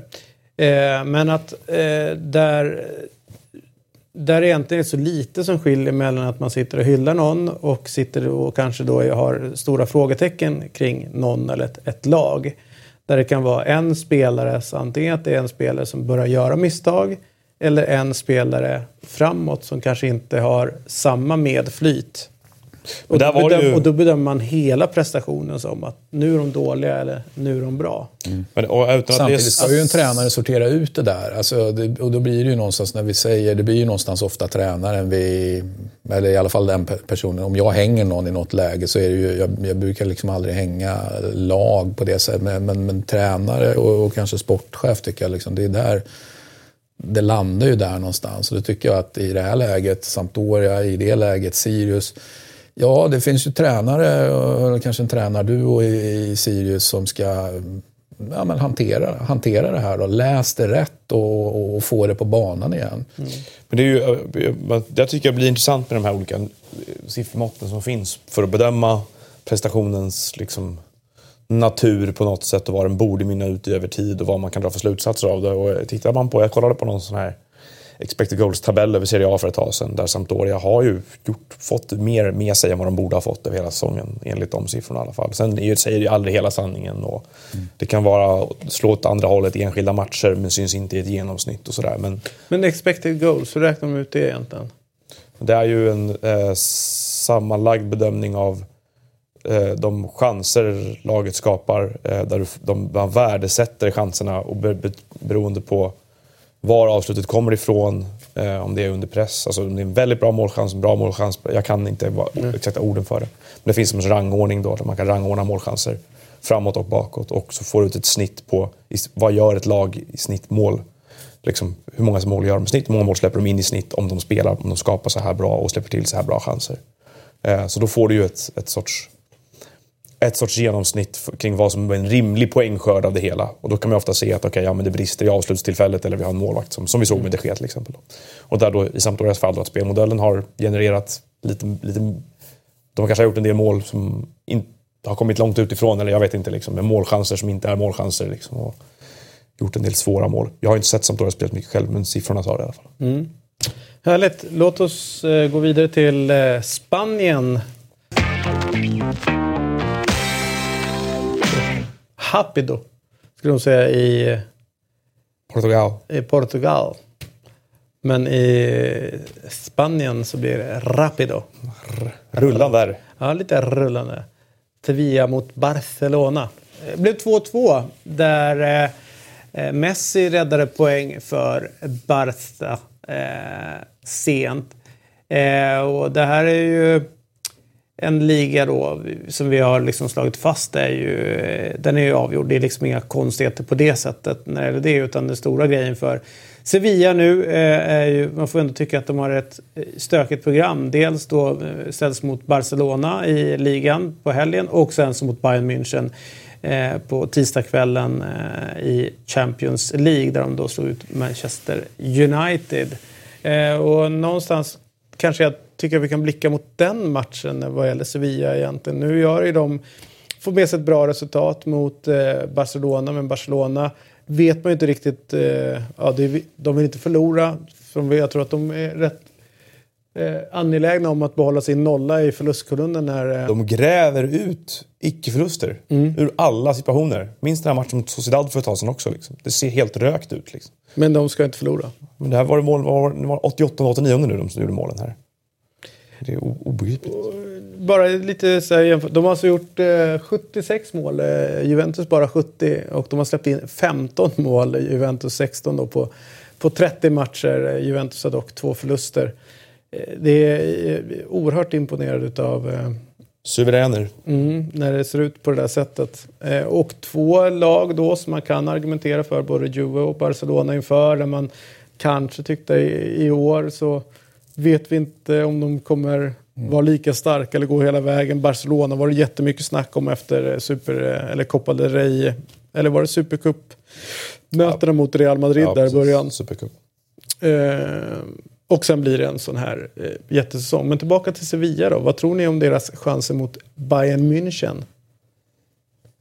Ja, det är väldigt svårt att veta. Jag vet inte. Svårt att, Bayern är svårbedömda så här års för att de ju liksom promenerar ju så enkelt genom Bundesliga. Och de kan se starka ut där men plötsligt inte vara lika starka i en match i, i Europaspel. Då. Eh, lite PSG-syndrom på något sätt känns det som. Att de, deras inhemska form är svår att översätta till någon bedömning av hur bra de kommer vara i Europaspelet det man kan säga med Sevilla är väl egentligen att det är ju någonting som är lite intressant som händer där just nu. Därför att under en period innan Manchester United-matchen så kändes det som att Montella hade kommit in i det där helt fel. Liksom, stukat varenda fotled och bara var... Jag kände som att det var ett, någonting som skulle ta slut innan det knappt han börja nästan. Det var min känsla i alla fall. Sen så vinner han de där två matcherna mot Manchester United och det är ju en extremt tacksam plattform att starta ifrån då för att han får massa självförtroende, han får arbetsro att han har gått till kvartsfinal i Champions League låter mm. jättebra liksom, och det är ju klart att det är en merit att vila sig emot. Ingenting att förlora mot Bayern München egentligen heller. Det är ingen som tror att de ska vinna. Eh, dessutom en så här bra prestation mot Barcelona som de gör nu när de är två minuter från att slå, en minut från att slå dem. Så att, eh, jag vet inte, skulle han ta sig till semifinal i Champions League, skulle han slå ut Bayern München här? Ja, då, är det liksom, då har han plötsligt sminkat upp sitt CV till någonting som ju är helt annorlunda. Sen tycker inte jag att det är en rättvis bedömning av vilken, hur bra Montella verkar vara som tränare. Men eh, jag tycker att de, jag tycker Sevilla känns, de känns som att de har ett farligt slagläge inför den här matchen med Bayern München. Alltså just med tanke på hur, hur, var de kommer ifrån, eh, hur lite de har att förlora och att ett Bayern München som då kanske går lite på autopilot så här års. Mm. Vad tänker du?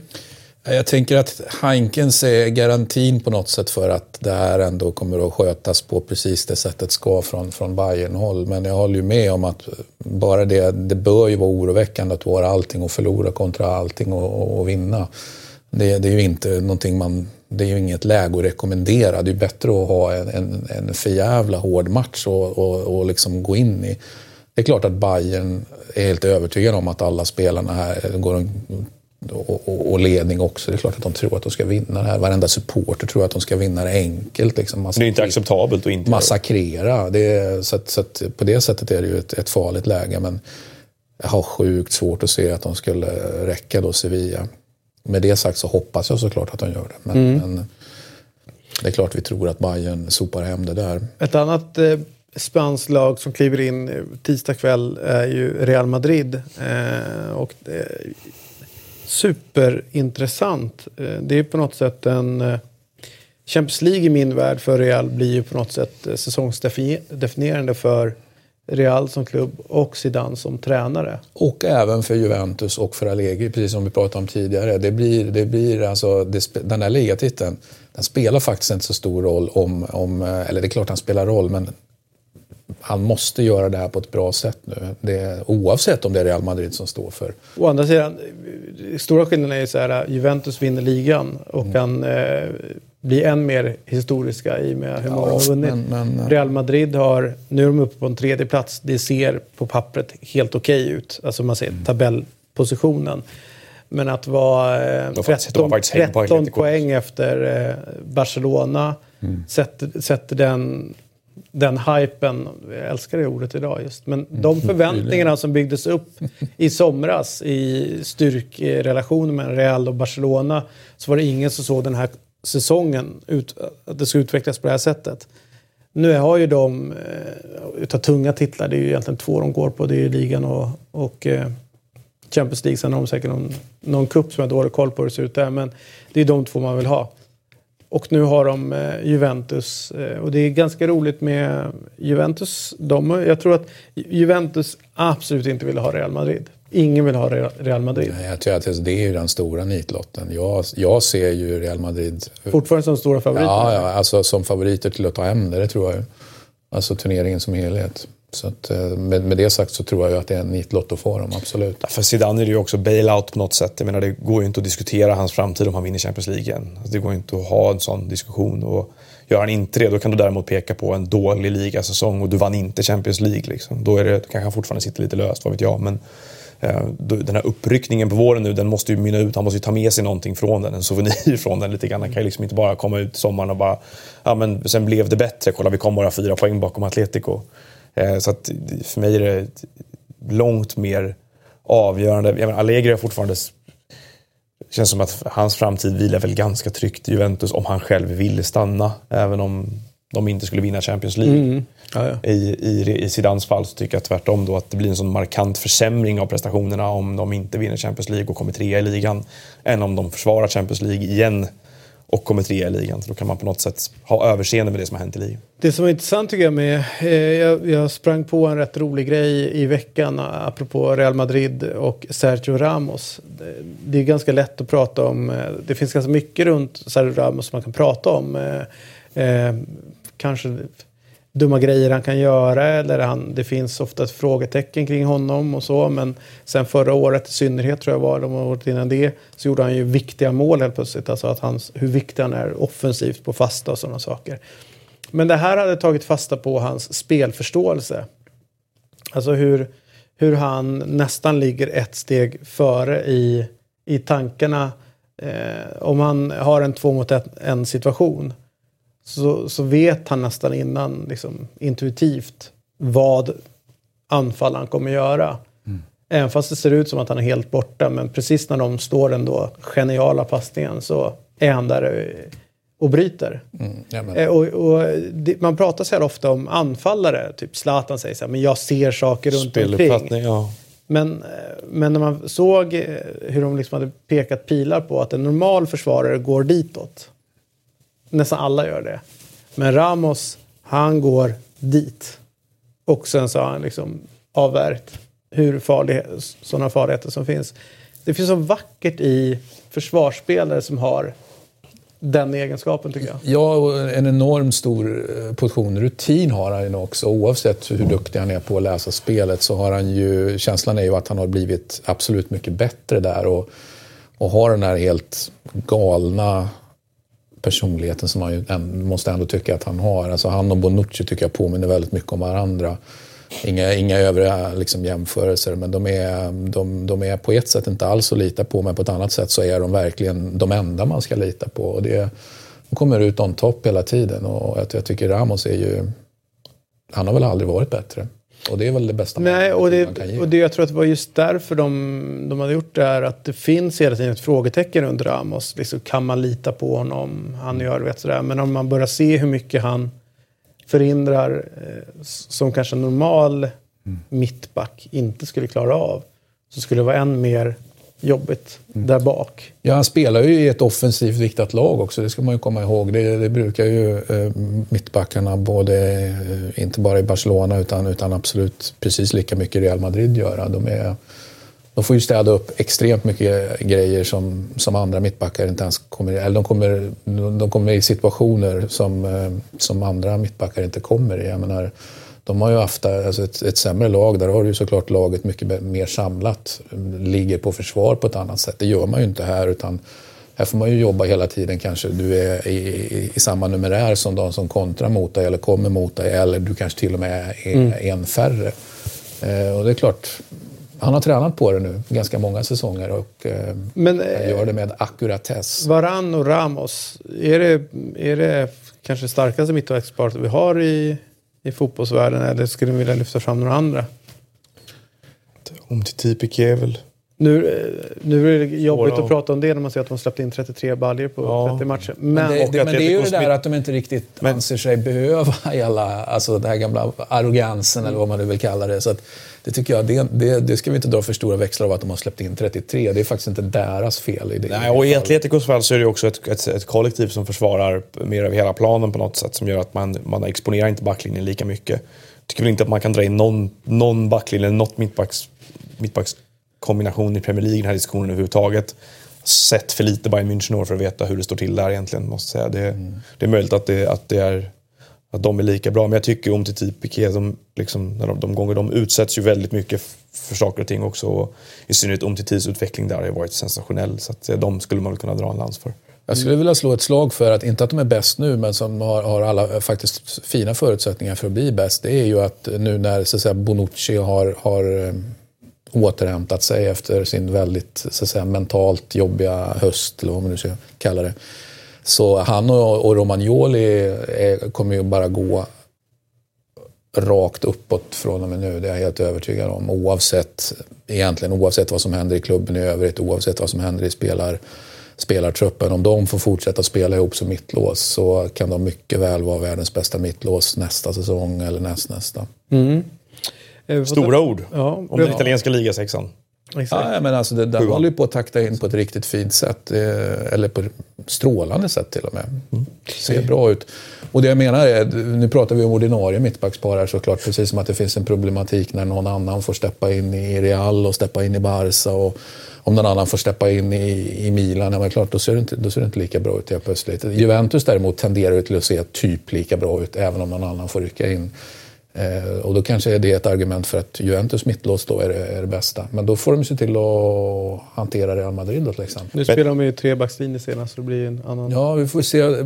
Hela det hur man ställer upp nu blir ju, mm. blir ju väldigt spännande. Det säger vi varenda gång Allegri ska ut i Europa då eftersom han då fuckar upp saker och ting i tidigare, grejer, i tidigare matcher. Tänker på de landskamperna man såg i veckan här också. Det är ju intressant att de två mittbacksparen pratar om där är ju fransk-spanska kombinationer. Eh, nu vet jag inte hur Frankrike startade riktigt. De, när de, men, eh, men det är fortfarande varann om till tio känns ju som att de...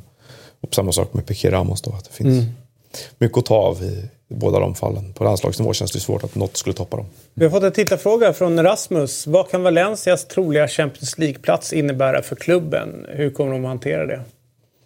Bra. Ja, ja, beroende på hur Marcelinho, vad han är på för humör i sommar skulle jag säga. För att eh, det man vet med honom är ju att han är ju katalysatorn för allt det här såklart. Det är han som, det är, menar du, när han kommer in som saker och ting skärper sig.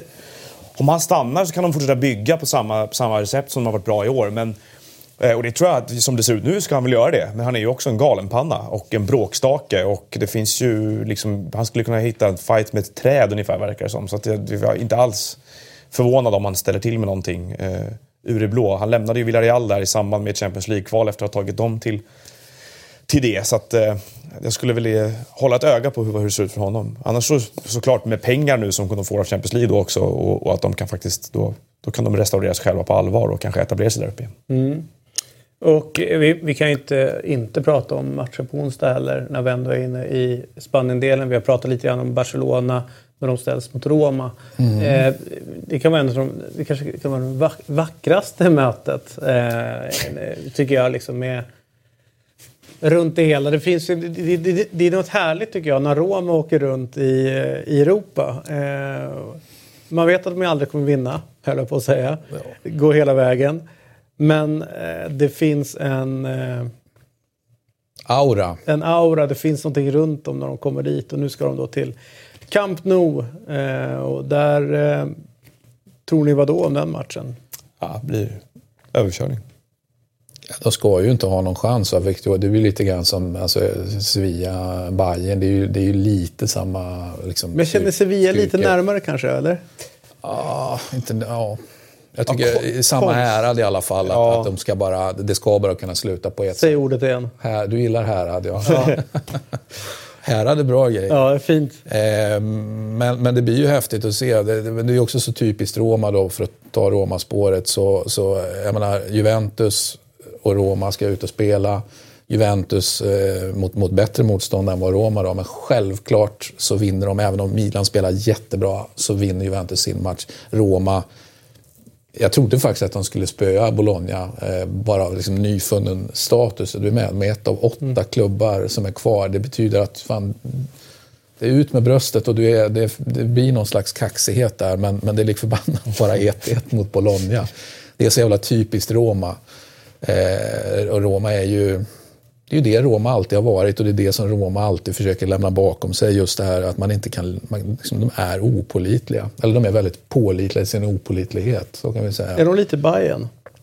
Ja, det är möjligt. Jag kan, jag kan Hammarby för dåligt men de är ju någonting som är väldigt besynnerligt i alla fall. Som är, som är svagt mentalt. Alltså, det finns ju inget annat sätt att se på det hela. Mm. För jag, man kan ju försöka förklara bort det med att Piazzan är svår, den är svårare än andra och det är klart det finns argument för det, precis som, precis som Napoli. Liksom. Men man kan inte hålla på och tjata om Piazza hela tiden. Man kan inte hålla på och tjata ja, Men då kan man ju, om man, svåra grejer, eh, att liksom eh, fixa till all politik som är i Barcelona där det finns så tydliga falanger och ja, som även har liksom politisk liksom bäring utanför eh, liksom själva träningsanläggningen och, och, det som händer runt fotbollen. Det är också en, en svår eh, piazza om man nu får ta eh, Jo, men du kan, ju, du kan ju få å andra sidan en, en väldigt enande kraft då, i det fallet. Alltså, När du får de, en enande, men de vi har ju också sett... Men det gäller att ta sig dit. Ja, och, det, och vi har haft eh, maktkamper eh, ganska öppet. Vi vet att det är presidentval snart som är på gång. Alltså, det är det som fascinerar mig så mycket kring Barcelona. Att de, Trots att det stormar, trots att det är menar, Laporta som sitter någonstans på utsidan och håller på med någonting. Det finns en Pep Guardiola som sitter och ser lite tryck någonstans ifrån. Mm. Alltså det är ju en högoktanig politisk situation i klubben. Mm. Men ändå så lyckas de få ihop det på planen. Och även i sin verksamhet. Bra jobbat av Valverde.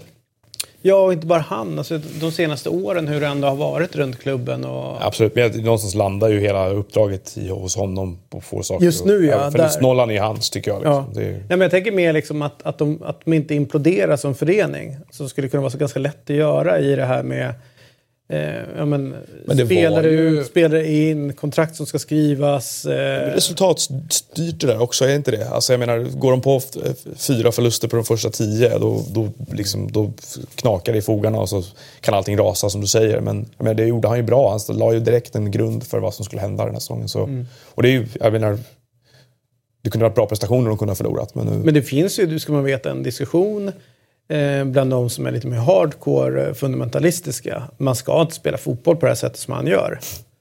Eh, utan han har ju gått ifrån eh, liksom Barca-arvet på något sätt. Och det finns ju, menar Luis Enrique hade ju, fick ju skit för det sättet som han spelade med sitt Barcelona och fick ju nästan alltid höra lite grann från dem.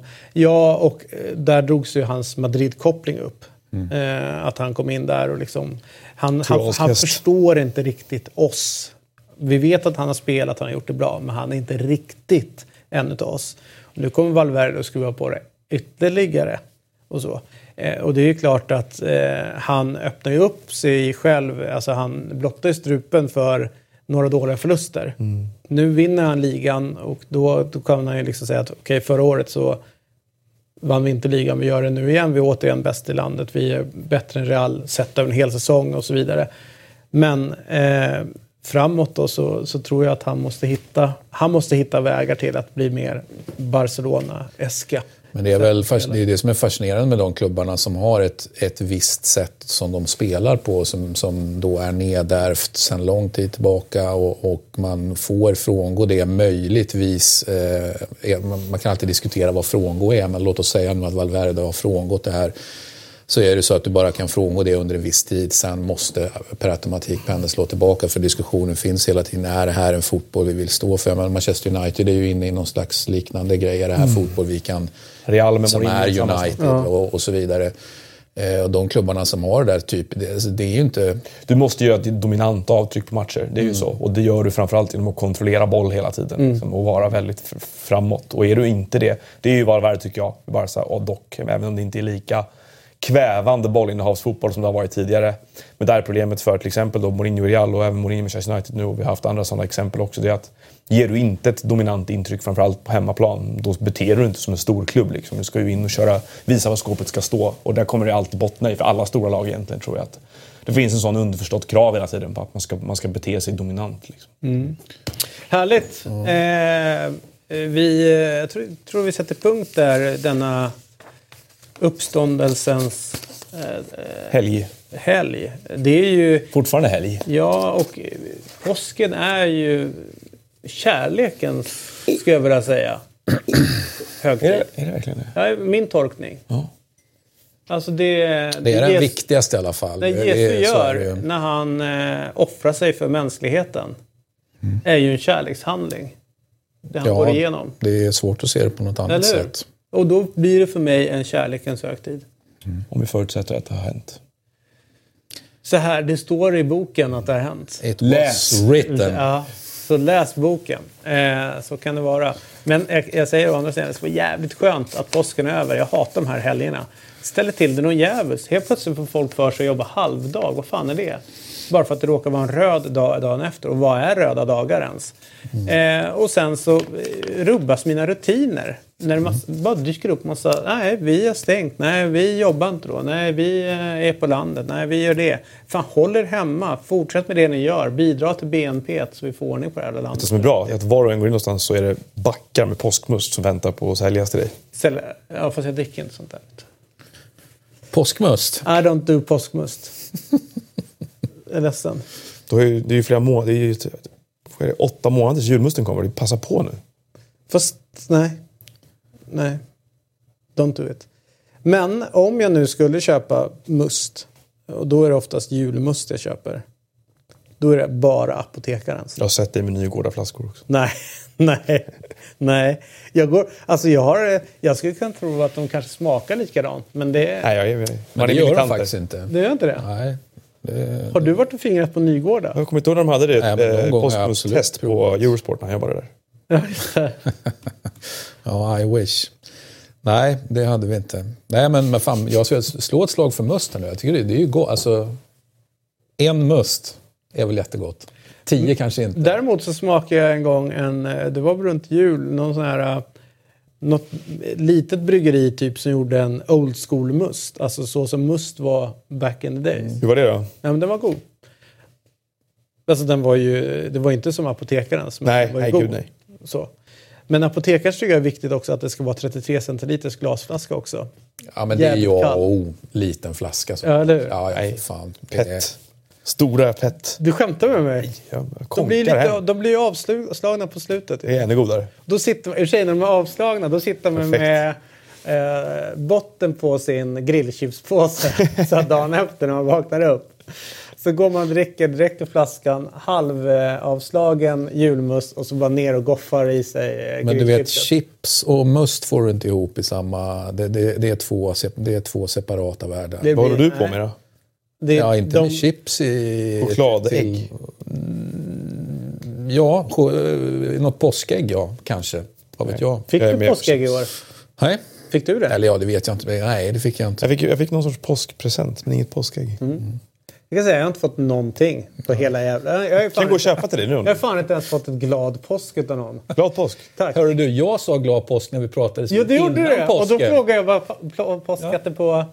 Ja, tack förresten. Ja, Nu är det bra det var så TV. lite så. Det var fan det enda jag fick under hela Men jag är påsken ju ganska 2018. Ta oss offline nu, det här går inte längre. Ja, att, nej, eh, vi, eh, vi säger hej då. Eh, Glad påsk på er, kära tittare. Hej då.